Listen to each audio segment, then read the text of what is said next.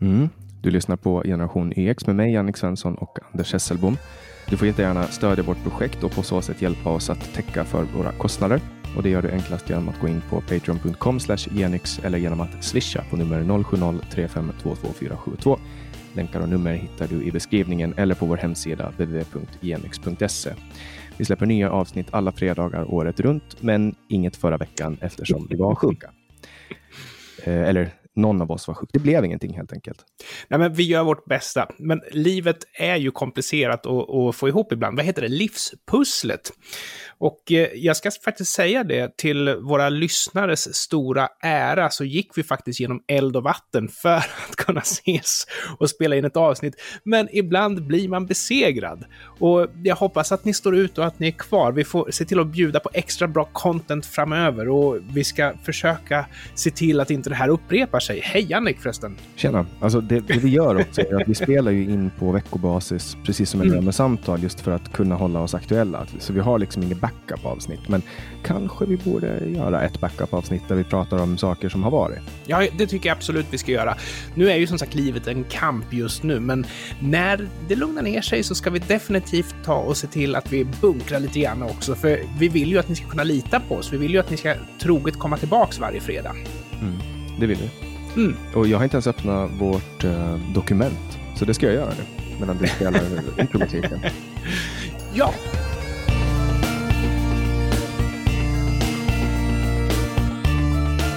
nu, säger jag. Ja, visst. Jag har fått ett nytt jobb, Anders. Ja, men gratulerar så mycket. Vad jobbar du som? Eh, jag kommer att jobba som politisk tjänsteman på deltid åt ett parti som heter Obunden Samling. Ett eh, socialkonservativt, mm. nej men, säga, liberal konservativt parti uppfattar jag dem. Lite som Medborgerlig Samling. Så nu har jag lämnat, ja, ja. lämnat Liberalerna och efter 11 års trogen tjänstgöring. Fast det måste jag säga, det gör du rätt i. Om Liberalerna på Finland är någonting som Liberalerna i, i Sverige så gör du rätt i det. Jag hade ju en förhoppning om att man skulle kunna vara en liten Hanif Bali i Liberalerna Polen, men så blev det icke. Det, var liksom... det vore ju coolt. Nej, men du vet, jag är ju öppen med mina åsikter om public service och vad jag tycker och ja. tänker. Och det gör att det tycker inte Liberalerna om då, för att de, de knuffar igenom en lag om, om alltså som liknar den i Sverige då, att man, att man ja. finansierar public service genom skattesedeln. Vi har ju en ny budget eh, ute nu som eh, de ska ta ställning till där public service får ännu mera utökade anslag. Men liksom, vi har ju andra myndigheter som också är viktiga, polisen, åklagarmyndigheten och sånt där. Men nej, public service, public service ska det vara. Det är det vi ska köra med. Det är det viktigaste. Man satsar ju otroligt mycket på kultur också. Eh, ja. Och det är så här, man har liksom inga pengar till att täcka basala grejer, men man ökar liksom kulturbidrag. Mm. Eh. eh, om det är så att eh, man sänker skatterna till den grad att kulturen kan stå på egna ben, alltså att biofilmer kan produceras kommersiellt och teatrar kan liksom täcka sina egna utgifter, då tappar staten kontrollen över kulturen. Det här är en kulturpolitik som man har importerat ifrån 40-talets nazism. De ansåg att man skulle kunna forma folk och göra dem till bättre människor om det är så att man hade kontroll över vilken kultur som pytsades ut. Mm. Ja, det är ju inte det enda man har importerat från, från 40-talets tredje rike. så är det ju. Men det får man väl inte säga i det här jävla landet. Måste jag pipa det? Jag måste pipa. Ja, då, men, då men det, det, du, du, du är inte superbra på att pipa, Anders. För att man kan fortfarande höra vad, vad, du säger genom att lyssna på första och, och sista Ja, men det finns en poäng i att man inte ska pipa sönder så pass mycket så att inte budskapet går fram. Men däremot så ska man pipa bort tillräckligt mycket för att ingen ska kunna säga att vi säger så där och så där i, i podden. Okej, okay. ja, du är ju pipgeneral så jag kan ju liksom inte... Ja, jag är pipchef. Pipansvarig för podden Generation YX. Pipgeneral tycker jag låter bra. mm. Och eh, vad har du haft på G senaste då? Vi har inte träffats nu på två veckor. Nej, jag har ju också ett nytt jobb, kämpar och sliter. Eh, myndighetsperson minsann numera. Men eh, framförallt så har det varit liksom, ja, det har ju varit mycket att komma in i där. Jag har gått och blivit hundvakt så här sent om sidor, så jag har min eh, äldsta bebis hund här om dagarna också. Det funkar bra när jag jobbar hemma, vilket jag inte kan göra varje dag, men, men för det mesta. Och sen så har jag ju också Sveriges bästa musikpodd som jag driver också, så det är hård konkurrens. Vi kommer aldrig att nå upp till den kvaliteten om vi inte vässar oss här, eller vad säger du, Janne? Nej, men så är det väl. Så är det väl. Jag vet ju hur det är att driva eh driva en bra podd där. Jag har ju ja, Sveriges, för... kanske världens, universums bästa samtalspodd. Ja, för det är inte bara jag som har en, en som vänsterprasslar och har en podd vid sidan av. Du har ju faktiskt den fenomenala samtalspodden som jag varmt kan rekommendera. Vad heter var... den då, Anders? Ja, Samtal. Ja, just det. Det var ett bra namn. Ja. det var ju ett misstag att den blev att heta Samtal. Ja, men den hette väl någonting annat först? Ja, den hette Säg vad du vill Åland. Och sen när jag flyttade till Sverige och började spela in här, då, då hade jag redan registrerat samtal.ax som domän. Och då tänkte jag att ah. det får det väl heta Samtal. Ja, fast det var bra. Det blev ju bra. Ja, jag har vant mig med det nu. Ja. Men du har varit ute och fly flugit drönare såg jag på Facebook. Ja, jag, jag, är lite ledsen i ögat. Alltså, tack och lov så köpte jag ju inte en speciellt dyr drönare, men det var ett par tusen lappar i alla fall. Och alltså det är ju, trots att det var en enkel maskin så var det ju barnsligt roligt att flyga med den där. Och jag ska väl passa mig lite grann för man drar ju åt, liksom skruvar åt reglerna för man får göra med farkoster som har kamera på sig. Men, men jag flyger liksom ganska snällt och lågt. Och jag ville ut och ta några vackra höstbilder. Och jag, jag bor ju i ett väldigt naturskönt område så jag gick ju iväg till Svartån som rinner rätt igenom Örebro där och skickade ut den över vattnet där och det var så vackert och träden vajade i vinden och jag såg mig själv stå på en hängbro där. Och sen så började det blåsa. Och när jag körde då mot mig, för jag ville ha hem drönaren, då stod den i princip still för det var motvind. Och när jag flög bort ifrån mig så, så flög den i en farlig fart. Och när jag inte styrde alls, då gled den ju. Och mycket riktigt, den gled och gled och jag tryckte på de här kontrollerna och så sa pang rätt in i ett träd och sen plums sa det. Så såg jag inte den där mer. Men jag var faktiskt ganska imponerad över kvaliteten på min lilla drönare. Det var en Tello. Därför att den har en sån här höjdmätare och jag såg på höjdmätaren, när jag sa plums, då stod det höjd 0 meter och sen efter ett tag stod det minus 1, efter ett tag stod det minus 2 och eh, sen stannade den där och sen så efter ett tag så tappade den kontakten. Så han var ju vattentät ganska länge. Mm. Men problemet är ju att det är liksom, det var djupt, strömt och dyrt. Och jag lyckades inte få tillbaka den. Jag tänkte även om den är paj så vill jag ju få upp den av miljöskäl. Men det, det, blev en ganska rolig bild på mig när jag i alla fall stod där och var så glad. Och sen plötsligt var kontakten borta. Mm. Men eh, ja, det är gjort... lönedag idag så jag åker och köper en till nu. Ja, jag, jag, jag körde ju bort eh, brorsans drönare en gång. han, hade, han hade fått den och jag, jag höll liksom på att prospektera och var i var i skott för att köpa en. Och han hade en sån här mm. mellandyr. Det finns ju jättebilliga och så finns det ja. lite dyrare och sen finns det mellandyra och sen finns det DJI som är liksom ja. modellen som har all, de, de flyger man inte bort för att de har så här säkerhets... Du kan liksom inte flyga bort den i princip. Nej. Eh, om du har alla säkerhetsprogram eh, på. Men de här som inte har det, som är helt manuella, de är lite, där behöver du Man behöver liksom ta i beaktande hur vindarna blåser ja. på högre altitud, OSV, OSV och jag stod ja. och och sen kommer det en vindpust och tar drönaren. Och det var exakt samma för mig. Jag körde full mm. fart mot mig men jag gled liksom långsamt bakåt och så, så vinkade jag hej då till den när den flög ut i havet. Men jag, jag, ska försöka att inte ha så hög maxhöjd inställd på den nya jag köper och så ska jag dess, dessutom inte hålla mig över vatten. Men jag gjorde ju jag, såklart jag skulle säga att, köp, en, köp en begagnad DJI så har du ja. någonting, då räcker det hur länge som helst. Liksom. Nej, jag har lärt mig. Men det, du, jag, jag du har ju en simulator i DJI. Ah, just det. Du, har ju, du kopplar på, alltså före du börjar flyga så kopplar du på drönaren och så lär du dig flyga på bara kompass och GPS. Men då så... säger vi som så här, att om jag får fast jobb, då kan jag undan mig en sån sak. För jag är ju på provanställning just nu. På en myndighet? Jajamän. Jag trodde inte att du skulle ta ett statligt jobb. Vad flög i dig? Nej, men alltså nu helt plötsligt, för första gången i mitt liv så är ju jag avlönad av skattepengar.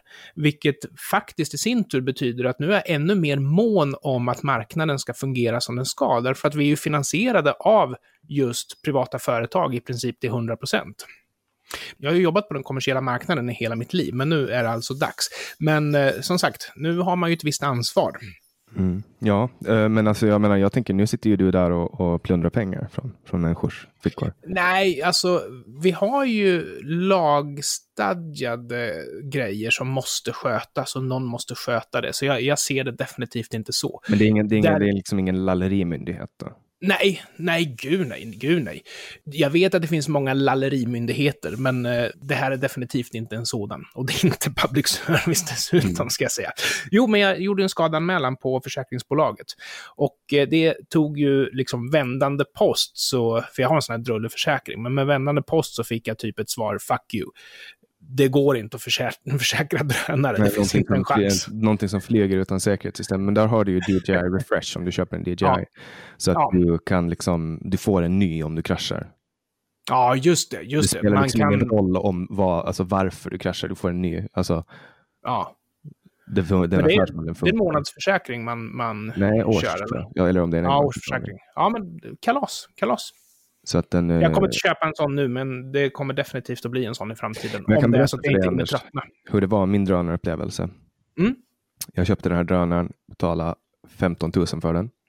Ja. Köpte den i maj, nej, slutet på april. Den var rolig hela maj och i juni så var den inte rolig längre. Men det är ju faktiskt ett argument för att börja med de billiga. Och är Nej. det så att man tycker det är roligt så kan man ju mm. uppgradera. Nej, det är inte. Alltså det, som, det var roligt att lära sig köra den. Ja. Men när du väl kan köra den och, och liksom du vet hur du ska filma, då blir du så mättad av perspektivet. Det är som sagt, du kommer ah. ut till en plats och så ser du hela platsen uppifrån. Ja. Och så är det häftigt i fem minuter, men sen har du sett platsen. och då måste du åka till en annan plats. Och sen har du täckt, täckt upp liksom jättemycket. Och sen sitter du där med, med jätte, jättemycket drönar-footage. Men jag har faktiskt, ah. jag tjänar in den. I och med att jag mm. har ett företag. Och jag tjänar in den. Men sen insåg jag att jag behöver inte ha den själv. Så jag bytte den eh, mot eh, ljudinspelningsutrustning och så hyr jag in drönare om jag behöver. Smart. Mm. Ja, så att jag fick lära mig köra och, och så, det var kul. Men det finns en sak, Anders. Mm. Nu måste jag liksom med eftertryck säga det här. Det finns ett par DJI goggles som du kan sätta på huvudet och se allting ur kameran. Ja, jag vet att det där finns. Det kommer aldrig att hända, för då blir jag åksjuk och dör. Tror du Får du skaffa en ny poddpartner, för jag kommer att dö. Han dog i en svindelolycka när han flög drönare. Svindelolycka, det är ju den hemskaste sortens olyckor. ja. Ja, eh, och eh, vi har ju tidigare i den här podden haft en eh, det är ju inte en gäst, men vi hade ett inslag med en annan eh, gäst och nu har vi ju pratat, eller du har pratat med Niklas Hermansson som mm. då också, han gör ett poddprojekt där han ska försöka vara med i 30 poddar på 30 dagar och han var med i min andra podd och, och då tänkte jag att då bör han också få vara med i Generation YX. Så nu ska vi en vecka för sent då eh, låta Niklas komma in och berätta lite vad han sysslar med. Och jag tänkte faktiskt innan jag släpper in honom, berätta du lite kort vem han är, så får han berätta vad han gör. Mm. Så Niklas är då eh, journalist. Han har jobbat 20 år som journalist och han eh, håller nu på med att utveckla en ny form av tidnings, vad ska man säga, rubrikplattform där man ska kunna för att det är väldigt svårt idag att följa med medier. Det finns för mycket ja, det finns för mycket. Så det han gör är att han vill kondensera ner det här till att man kan gå till en plats och få allting. Och Jag tror att den eh, affärsmodellen har funnits lite förut, typ med Omni, men jag tycker att Omni har blivit ganska brett och därför tycker jag att Niklas satsning är ganska intressant. Så efter ganska många år som journalist och mediechef också, du har varit på Aftonbladet, på Mittmedia och på Bonnier News, så ska du nu lansera en ny nyhetstjänst som du kallar för NomoFomo. Vad är NomoFomo? Mm, ja, något Foodora nästan. Nomofomo betyder ju no more fear of missing out. Jag tyckte det var ett fyndigt namn, ska jag säga. Ja, du gjorde det? Ja, jag var inne och tittade på hemsidan och sådär. Det var snyggt. Ja, kul.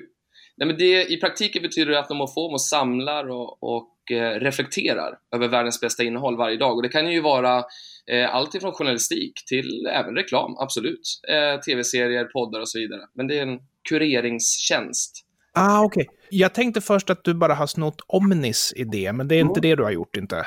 Nej, exakt. Utan Omni är ju briljanta på det de gör. Eh, ja. Jag är lite mer intresserad av att hitta de här nyheterna, människorna, forskningen som formar framtiden. Alltså det är själva utgångspunkten här. Jag är inte ute efter breaking news. Jag är inte mm. ute efter konflikter, den här liksom typen av kanske mer konstruerade konflikter vi ser allt mer i, i eh, tidningarna. Just för att få folk att komma dit och se den mer briljanta journalistiken som också finns där. Jag är ute efter guldkornen här hela tiden. Så varför, varför behövs Nomofomo då? Jag tror att eh, Nomofomo behövs ju för att jag håller på att liksom drunkna i ett informationshav. Bara den här månaden till exempel så ah. kommer din hjärna att bearbeta tre miljoner ord, men av de där orden så kommer det vara mina 2 procent och lägger du till video och så vidare så blir det väldigt mycket som vi liksom processar, men det är väldigt lite vi minns. Och vad du minns formar ju vem du är och hur du någonstans lever ditt liv, så det är väldigt viktigt vad man konsumerar, anser jag. Och då så är det väl väldigt bra då att ha någon som liksom går igenom, varje vecka går igenom 2500 mm rubriker och ingresser utifrån redan kurerat innehåll. Alltså det är redan någon som har kurerat det via nyhetsbrev och nyhetstjänster och utifrån det så hittar jag det som jag tycker är det som du borde eh, ha koll på. Kan man säga att du smalnar av informationsflödet åt mig eller? Ja men verkligen, absolut. Ja. Eh, det, det är ju det. Alltså jag försöker ju eh, hitta de här sakerna som du inte har tid att hitta. Eh, ah. Så, I publikationer, forskning, men även liksom nyheter. Absolut. Men för vem är det här till för? För jag tänker att det är många som använder ja, sociala medier till det här. Mm. Ja men absolut. Och de som är duktiga har ju satt upp sin egen kurering absolut, via ja. sociala medier. Så är det ju. Men jag är ju ute efter människor som vill bli lite smartare, lite gladare eh, och utforska livet utanför filterbubblan och inte bli matad av det där som man ju alltid får ändå. Eh, ja.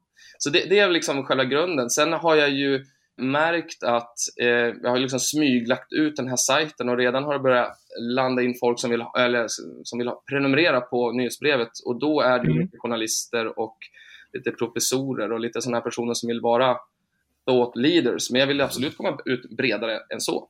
Det tycker jag ju. Men när det gäller finansiering av det här, alltså annonsmarknaden är ju tuff. Och mm. jag skulle också säga att betaltjänster är det ju också en stenhård konkurrens om. Men mm. du ser att du kommer att hitta finansiering för det här, eller? Alltså själva grunden är, det vore ju jätteroligt såklart ifall det är någon som tycker att det är värt att betala för den här kureringen, eh, för att mm. få nyhetsbrev och så vidare. Men grunden eh, för mig är att Nomofoma är omvärldsbevakning för företag och för eh, myndigheter. Eh, ah. Okay. Så det är själva, så att eh, nomofomo.se, det som går ut till svenskarna så, det är egentligen en eh, affisch för ah. en omvärldsbevakningstjänst. Mycket intressant, men eh, vad är det för förändringar som du tror att vi kommer få se i svenska medier framöver? Mm, jag tycker att det är kul med, det är ju tufft, det är ju många som får gå, journalister, hela tiden. Mm. Eh, samtidigt så eh, ställs ju allt större krav på att det ska komma mer information eftersom vi mm. konsumerar ju mer. Eh, att robottexterna, alltså de här eh, texterna som kommer automatiskt utifrån AI, att inte de blir fler, att inte fler har nappat på den typen av tjänster. Till exempel Mittmedia använder sig utav det för, det är ingen som behöver skriva om väder och om fotbollsmatcher i division 3 längre, därför att mm. det gör ju roboten åt dem. Att inte det har slagit igenom mer, det förvånar mig lite grann. Eh, men det skulle kunna vara en av de grejerna som kommer att hända? Det, det händer redan nu, men att det inte har gått snabbare förvånar mig. Sen så tror jag väl att, ifall vi hoppar ännu längre fram, så tror jag att reklamen inte kommer att finnas om tio år. Nej. Ehm, där kommer vi att med hjälp av digitala assistenter så kommer de att hjälpa oss att handla och då behöver inte vi reklam längre. Därför att de här digitala assistenterna vet ju exakt vad vi gillar. Därför att de registrerar ju allt vi gör, vad vi säger, vad vi tittar på med ögonen och så vidare. Så reklamen tror jag kommer försvinna om tio år.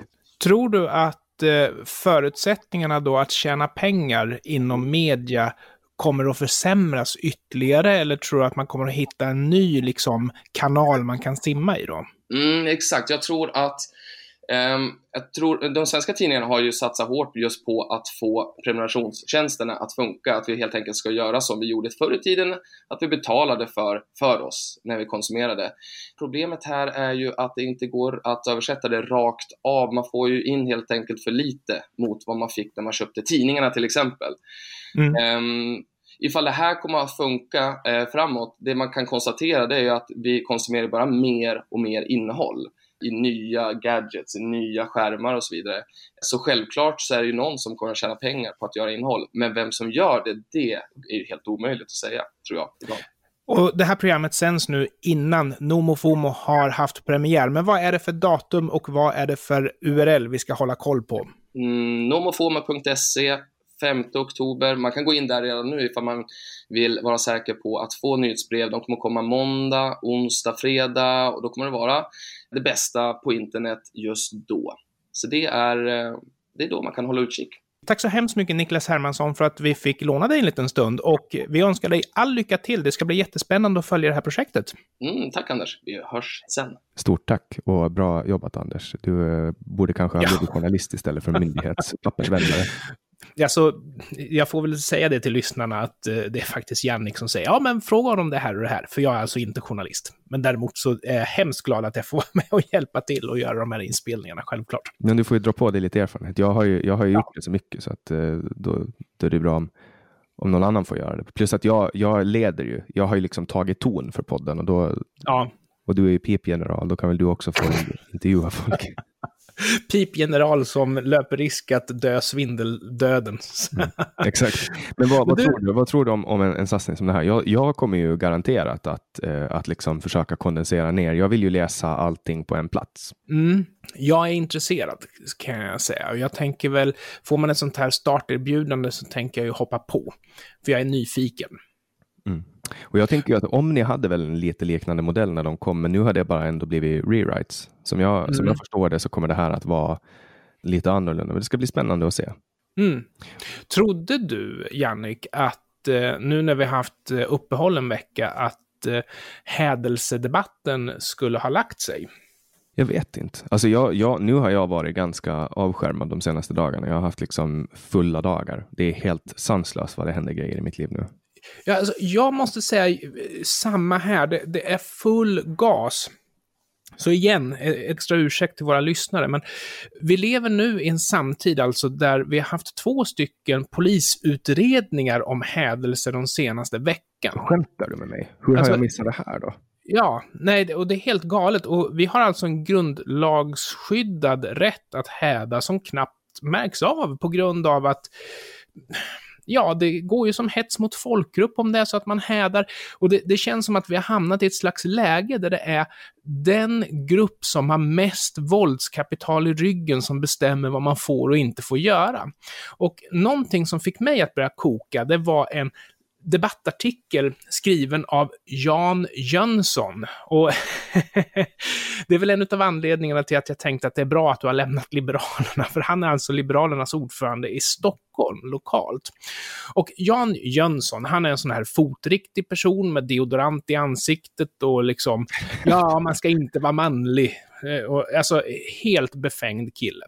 Och naturligtvis så är han ju på något sätt de som skriker högst lilla nickedocka. Och han skriver den här att ja, men ni som bränner Koranen, ni är inte välkomna i våran stad, Stockholm, bla bla bla, i, i den här debattartikeln. Men jag vill passa på att lyfta det här. Därför att för det första så är det så att rätten att häda är ju till för att skydda den som kanske inte har samma våldskapital som muslimerna har för det första. Alltså kom ihåg de här kravallerna som var, att de skramlade ihop 30 stycken våldsverkare bara på sådär. Så det finns ju ett starkt våldskapital. För det andra så är det så här att det är så förvirrande att Koranen är en bok. Vilket gör att folk tror att det är bokbränning det handlar om, bokbål det handlar om. Och eh, Jan, han citerar även Heinrich Heine, som skrev “Där man bränner böcker bränner man till slut även människor”. Men att bränna en koran handlar inte om bokbål. Bokbål handlar ju om att mobben vill förbjuda information. Ja, Ett koranbränning handlar ju om att en person bränner en egendom som är sin egen, där ingen information försvinner. Och de gör det för att de vill polarisera och göra människor arga. Det det ja, de gör det för att de vill på något sätt hävda sin rätt att få göra just det. Alltså, tänk om någon ska ta en Leif GW Persson-bok och elda den. Ingen ja. ska bry sig.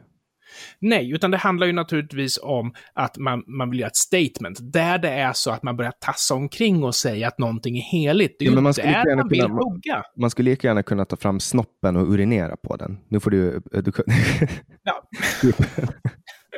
ja, jo, du har rätt i din poäng. Du har rätt din poäng. Då är det ju inte bokbål. Då är det någonting helt annat. Men det är ju samma sak. Det handlar ju om att skymfa. Man vill ju liksom förnedra. Ja det handlar inte om att förstöra information, det handlar om att skymfa. Och om det är så att någonting helt plötsligt står över rätten att bli skymfad, det är då man vill sticka in kniven där, självklart. Och jag vill också säga att de som tror att bara för att man förstör skriven text rent fysiskt, har de aldrig rensat fisk i en tidning, en dagstidning? Har de aldrig raderat en fil från sin dator? fisk i en tidning? Ja, men det är ju så. det är ju text som, som blir förstört. Självklart handlar det ju om att Närkes Allehandas redaktion kommer ju inte sticka kniven i ryggen på mig bara för att jag rensar fisk i en av deras Nej, och sen finns det ju andra exemplar av tidningen och så finns de digitalt. Det, det, liksom inte... det finns andra exemplar av Koranen. Så jag hoppas att vi kan stänga den här debatten nu, att, att en person bränner upp en bok är inte ett bokbål. Att mobben kräver att viss information ska kriminaliseras eller förstöras det är ett bokbål. Alltså det fanns ju den här incidenten där eh, John Lennon sa i en intervju att nu är vi större än Jesus eh, och amerikanerna samlades och elda eh, Beatles-skivor. Det handlade ja, ju alltså, om bokbål eller skivbål. Det var ju liksom protest för att de var arga. Det var ju en god affär eftersom då får man ju köpa nya skivor. Och jag vet också att vi har ju Hem och Skola som försökt, eh, vad ska man säga, uppvigla till bokbål på 80-talet när man sa att VASP, ja vi, vi har ju pratat om det här, det är bokbål. ja, det är bokbål. Men att kritisera religion eller att utmana religiösa lagar är inte bokbål. Det är bara... Men det finns väl inga hädelslagar i Sverige? Nej, det gör ju inte det. Men om det är så att muslimerna anser att det finns hädelselagar som bör upprättas, så även om de inte har stöd i den svenska lagen så kan de ju få hets mot folkgrupp på sin sida genom att bli riktigt, riktigt arga när de här religiösa lagarna överträds. Men det är alltså, därför som polisen utreder koranbränningar. Men alltså utreder de det? Vi pratade om att det var någon dansk som hade sparkat på en koran. Ja, men nu hade de hittat en skändad koran utanför en moské. Och det blev också en anmälan om hets mot folkgrupp. Ja, det, där, det där är jättekonstigt. Jag menar, hur kan det ja. vara hets mot en folkgrupp? Att, man, att, att någon liksom drar i en bok. Jag, Förstå, det är samma jag... liksom om man lämnar, om, om man har en skändad bibel utanför kyrkan. Alltså... Jag hoppas att vi inte behöver äh, åt, plocka upp det här ämnet igen, för jag hoppas att det sista ordet sagt där. Men är det så att svensk polis alltså ska ut och jaga koranbrännare, ut och rädda böcker, så kommer jag behöva ta upp det här igen, för jag det, ger mig inte för... Det är deras egendom, man bör få göra vad man vill med sin egendom. Ja. Så länge man inte utsätter någon för brandfara eller, eller visar, visar snoppen på offentligt. Man kan riva sönder boken och är det så att man inte vill skapa oreda på stan så kan man riva sönder den medan man sitter framför en YouTube-kamera liksom. Ja, eller, eller man bara, kanske inte behöver man kan riva sönder den i ensamhet liksom. Fast den protesten är ju ganska meningslös. Ja, visst. visst, och jag vet att det där, den aspekten har ju kommit upp i debatten, att ja, men han får göra vad man vill hemma. Och jag skulle vilja säga samma sak till svensk arbetarrörelse, att ni behöver inte ut och demonstrera på första maj, ni kan ju ha en röd fana hemma. Men det är inte så demonstrationer funkar. Nej, nej så är det. Ja, nej, Jan Jönsson, han tyckte du inte om. Nej, så han spolar vi. Vi spolar ner honom. Ja. Mm. Nej, men det kändes skönt att få det här ur systemet. Ja, det är skönt. Jag är, skön. Jag är, glad, att du, jag är glad att du känner dig lättad. Ja. Vad har du mer på, på gång? Jo, men eh, vi har ju också haft en diskussion i Sverige nu om kriminalitet. Och jag tycker att det knyter ju an lite grann, därför att nu har ju till och med statsministern gått ut och sagt att det finns en koppling mellan misslyckad integration och kriminalitet. Och det där har ju varit någonting, alltså, som har varit ganska, vad ska man säga, laddat i Sverige. Det är något eh, man... alla har vetat om, men som, ja. som, bara Sverigedemokraterna och Moderaterna har sagt. Ja, men nu även Socialdemokraterna. Och jag tror att det blev lite oreda i det egna lägret när han sa det här. Men det, det borde ju egentligen vara ganska självklart att, att så är fallet. Och jag är inte jätteförtjust i det här pratet om socioekonomiska faktorer eftersom de som har det allra sämst i Sverige har det ju oerhört mycket bättre idag än de som hade det sämst i Sverige i början på 80-talet eller på 70-talet. Ja, det där var ju också någonting man konstruerar för att kunna upprätthålla sin berättelse om Sverige. Ja. Men såg du vad som hände med Per Brinkemo nu? Nej. Han har ju, gått han har ju skrivit böcker om klansamhällen och jobbat ja. med integration i Malmö och så vidare. Han har varit med i min andra podd, Samtal. Och när han eh, började skriva de här böckerna och kom ut med det, då blev han liksom kallad rasist på Aftonbladets mm. kulturredaktion och han blev liksom attackerad offentligt och förnedrad. Och han var så här, Fast att bli kallad rasist av Aftonbladets kulturredaktion, det är väl snarare meriterande jo, för alltså, sanningshalten. Alltså, det han gjorde, han är så här, han, han är liksom helt bara liksom, han jobbar med integration och så skriver han en bok om, om klansamhällen liksom, och förklarar det här är klanbegreppet, det här går det ut på och så vidare. Mm. Och så vidare och så bara blir han söndermejslad. Ja. Eh, och, men nu har, ju, nu har ju de fått gå ut och säga förlåt. Eh, därför att nu börjar folk prata om klan. Så nu är han... Ja, ingen skada skedd då, bra. Ja, men han har ju fått leda i flera år. Alltså, mm. på det här. Det var otroliga påhopp de gjorde på honom. Vi har ju också en ganska bred definition av ordet klan, för jag vet också att det var debattörer som gick ut och sa att ja, men Bonniers är en klan och sånt där. Men... Fast det, där, det finns ju en definition av en ja. klan som, som, som man inte använder i Sverige, men som är eh, den riktiga. Och det handlar ju om hur man bygger ett samhälle. Ja, eh, exakt. Alltså hur man strukturerar, vad, vilken är den minsta byggstenen i ett samhälle? Är det individen eller ja. familjen? Är det familjen, då är det ett klansamhälle. Och dessutom är det så att, eh, ja, dels så gör ju det att Bonniers inte helt och fullt passar in, för de underkastar sig ju faktiskt ganska många regler. Och det andra, det är ju att det är ju troligtvis inte Bonniers som man misstänker är de som lägger ett hästhuvud i sängen om det är så att du inte har skött dig. Enligt deras definition av att ha skött sig, utan det finns ju klaner och klaner i så fall. Men egentligen så är ju Bonniers inte en klan, därför att de har ju valt att underkasta sig samhälleliga regler. Mm. Per Bolund, däremot. När Stefan Löfven... Ja, var kom Per Bolund ifrån? Han hoppar ju ut ur ett flingpaket. Ja. Han kom från ingenstans och bara, hej, här är jag, nu är jag här. Han är alltså språkrör för Miljöpartiet. Och Miljöpartiet är så roliga för de, de är ju väldigt binära när det gäller genus. De ska ha ett manligt och ett kvinnligt språkrör och han är det manliga. Men ingen som, eh, som är liksom däremellan då? Nej, definitivt inte. exkluderande de var. Ja, men de är väldigt exkluderande där. Och jag vet också en diskussion som jag haft liksom, angående FIS, Feministiskt initiativs partiprogram, när de säger att alla offentliga tjänster som innefattar formell makt ska innehas av 50% män och 50% kvinnor ja, det blev noll kvar till de som har en annan könsidentitet. Det var lite synd. Men han svarade ju på påståendet från Löfven om att det är misslyckad integration som är orsak till kriminalitet genom att säga att ja, men den utländska läkaren som botar dig då, och sådär. där. Och med det vill han ha sagt att ja, det är alltså inte lyckad integration som orsakar kriminalitet. Han påpekade också att det inte var hudfärg. Så man kan alltså säga att det är inte lyckad integration, det är inte hudfärg som orsakar kriminalitet, alltså är det inte heller misslyckad integration. Och det var, på hans planet var det ett helt fullkomligt vettigt sätt att eh, resonera. De har ju någon, det är någonting um, som pågår i tankeprocessen hos en miljöpartist när man ja. Resonerar på det där sättet. Alltså det är, det är någonstans som det liksom inte, alla kugghjul snurrar inte. Nej, det måste ju vara någonting att man är så pass förblindad av sin egen föreställning om hur saker och ting funkar eller framförallt inte funkar. Att man helt enkelt inte är mottaglig för, för argument utifrån. Det är ungefär som en person som är helt övertygad om att Gud finns. Det spelar ingen roll vad man säger, det spelar ingen roll hur, hur mycket man slår hål på hans argument. Gud finns ändå. Eller, och så är här, det eller som den här kortslutningen i svensk media när Donald Trump mm. är president. De, har ju, de har ju färdigt skrivet på tidningar så har man så här om någon ja. börjar bli gammal så har man färdigt skriven en dödsreportage för, om ja. Keith Richard och Mick Jagger. Man jobbar i förväg. Liksom. Ja, för att man vet att de kommer att kola snart. Och så hade de typ gjort med Hillary-vinsten. Uh, och sen bara, whoops!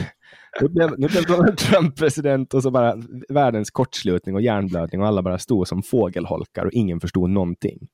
Det var ju faktiskt en snubbe som hittade en affärsidé som jag tyckte var synd att man inte plockar upp. Opinionsmätningar som fungerar. Vi har ju bara sett andra sorters opinionsmätningar. Det var... men det var ingen som var intresserad av att erbjuda den tjänsten. Nej, men det... Nej, så... Det har ju till och med snackats om att förbjuda opinionsundersökningar före val. Ja, men då, så tror jag det är i vissa länder faktiskt. Vad, vad, tycker, vad tänker du om det? Jag tycker det är jättebra. Att förbjuda? Jag, jag tycker att opinionsmätningar ska man ägna sig åt mellan val, inte inför val. Och jag tycker att på själva valdagen, då kan man släppa på förbudet. Men, eh, vad ska vi säga, åtta veckor innan valet, fram till valdagen, så borde det borde man kunna nöja sig med att publicera gamla opinionsmätningar. Men är det för att det finns någon så här ackumulativ effekt eh, hos vinnaren, eller? Ja, det är ju så att den eh, som presenterar en opinionsmätning där parti X har högt stöd, den drar ju också röster till parti X. Och det här är bevisat då? Jag vet inte hur, hur bevisat det är just i fallet opinionsmätningar, men när det gäller eh, den psykologiska effekten att man vill stå i det vinnande lägret så är det definitivt bevisat, ja. Jag ställer mig mycket tveksam till att förbjuda information. Nej, men eh, du behöver inte förbjuda information. Du kan ju publicera de opinionsmätningar som är gjorda. Men det jag säger är att jag är inte så säker på att det är en dum idé att eh, förbjuda att göra nya opinionsmätningar tätt in på ett val. Mm. Så på Åland så är de ganska korrekta, alltså de här opinionsundersökningarna. Ja. Okej, okay, ja det är de ju inte i USA kan jag ju säga. Mm, nej, men är, de är väldigt korrekta på Åland. Vi har ju i Sverige Poll of Polls som är schysst. Därför att det de här olika opinionsinstituten gör, det är att de når ju ut till olika grupperingar. Och alla parerar ju för det här genom att vikta på olika sätt, för de vet ju om att de når ut till olika grupperingar. Och det sammanvägt, att SIFO når ut till sina grupper och de viktar upp för det. Eh, någon annan når ut till sina grupper och vik viktar upp för det. Ja, viktar man då sen alla de resultaten så får man en ganska bra opinionsmätning även i Sverige. Mm. Men i USA har det inte funkat. Ja, I USA finns det två partier. ja, det finns ju många, men det är två partier som har chans, rimlig chans att vinna. Nej, så det, det jag skulle säga det är att även en person som till och med du och jag skulle definiera som superrasist, liksom stäng gränsen, svenska jobb åt svenskar och så vidare, till och med den personen kommer ju förmodligen inte säga att lyckad integration är ett problem. Den personen skulle inte ha något problem att lägga sig under kniven på en afrikansk läkare. Liksom. Jag, jag, utan jag tror att det är självklart att misslyckad integration... Alltså är det så att du inte känner att du har ett samhällsbyggande ansvar, att du har en identitet som gör dig svensk, då har du ingen, inget incitament att jobba för att förbättra Sverige. Ja, då kan du lika gärna råna folk. Det kan ju också vara så att man bara befinner sig i en omgivning där allt det här är extremt glorifierat och det absolut coolaste man kan bli är en liksom knarklangande pimp med mm. vapen. Alltså, ja. det är ju också och, en aspekt. Så ja, om, dina hjältar, om dina hjältar är uh, crime lords, ja. då kanske man börjar sträva efter det också. Jag tänker att det finns ja, ett visst mått av det. Lever du i ett samhälle som har en fungerande integration så lever du ju inte med en sån omgivning. Då lever du ju med en omgivning med folk som är hedliga, går till jobbet och tar hand om varandra. Mm. Ja, jag, menar jag, samhällsbyggande ansvar. Jag vet inte om det är, jag känner liksom inget samhällsbyggande ansvar. Nej, men det beror på att det är fel på dig. För, men jag håller på att bygga samhälle ändå. Min generation har inte fört över det till din generation och mina föräldrars generation har inte varit tillräckligt duktiga i att föra över det till oss, utan vi tycker att samhället är så pass bra så vi behöver inte. Men, nej, men du har rätt, du är ju med och bygger sam eh, samhället. Du rånar ingen, du går till jobbet, du eh, knäpper skjortan och... Ja, alltså jag är del av skattesystemet, alltså är jag del ja. av ett stort rån. Ja, men skatt är ju någonting som vi har beslutat om demokratiskt att ja, vi ska betala. Skattestöld.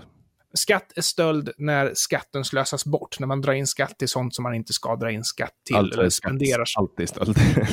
ja, alltså, ta den, den diskussionen tar vi. Jag, jag ska, ska igen knyta an till det vi pratade om när vi började här, att livet går fort och eh, därför bjuder vi inte på en full timme den här gången, men jag hoppas att ni kommer tillbaka så att vi eh, får chans att gottgöra för det. Men då skriver jag upp i vårt körschema, skatt är stöld, så ska jag göra mos av dig på den punkten. Ja, nej, men då, då, tycker jag till det avsnittet tycker jag vi, du får, du får eh, intervjua en annan gäst. Jag ska fixa in en gäst som du får intervjua till det, som får liksom göra avstampet som ska argumentera mycket bättre än vad du har gjort och sen så ska du sitta sen efteråt och säga ja, han har rätt och Anders ja, har fel. Bara utgick du från att det är en han. Du är en sån jävla sexist, Anders. Det är helt otroligt.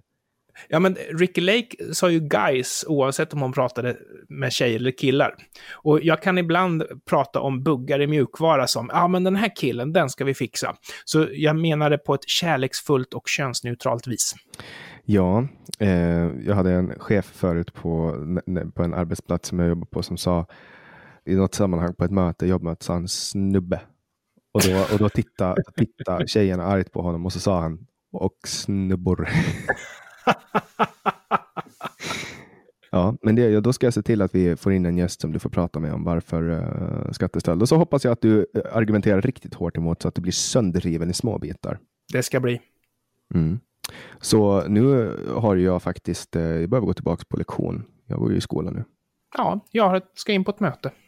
Så lite kortare avsnitt. Sånt händer i förkylningstider i coronatider. Nu har ju ingen av oss haft corona, men du har i alla fall lyssnat på Generation YX med mig, Jannik Svensson och Anders Hesselbom. Och du får jättegärna stödja det här projektet och du hittar alla länkar och nummer på www.genyx.se. Sen får du också gärna gå med i vår Facebookgrupp, Generation Y-gruppen, som jag har varit jättedålig på att uppdatera med det för att jag har väldigt mycket att göra och när alla de här avsnitten från alla olika poddar kommer så är jag helt utbränd. Så om det finns någon som vill vara administratör för den gruppen så är det bara att hojta till. Den kommer inte att få betalt, men det kommer åtminstone att få en viktig samhällsbärande roll. Eller ja. hur, Anders? Ja. Tack för den här gången. Tack så mycket. Hej då.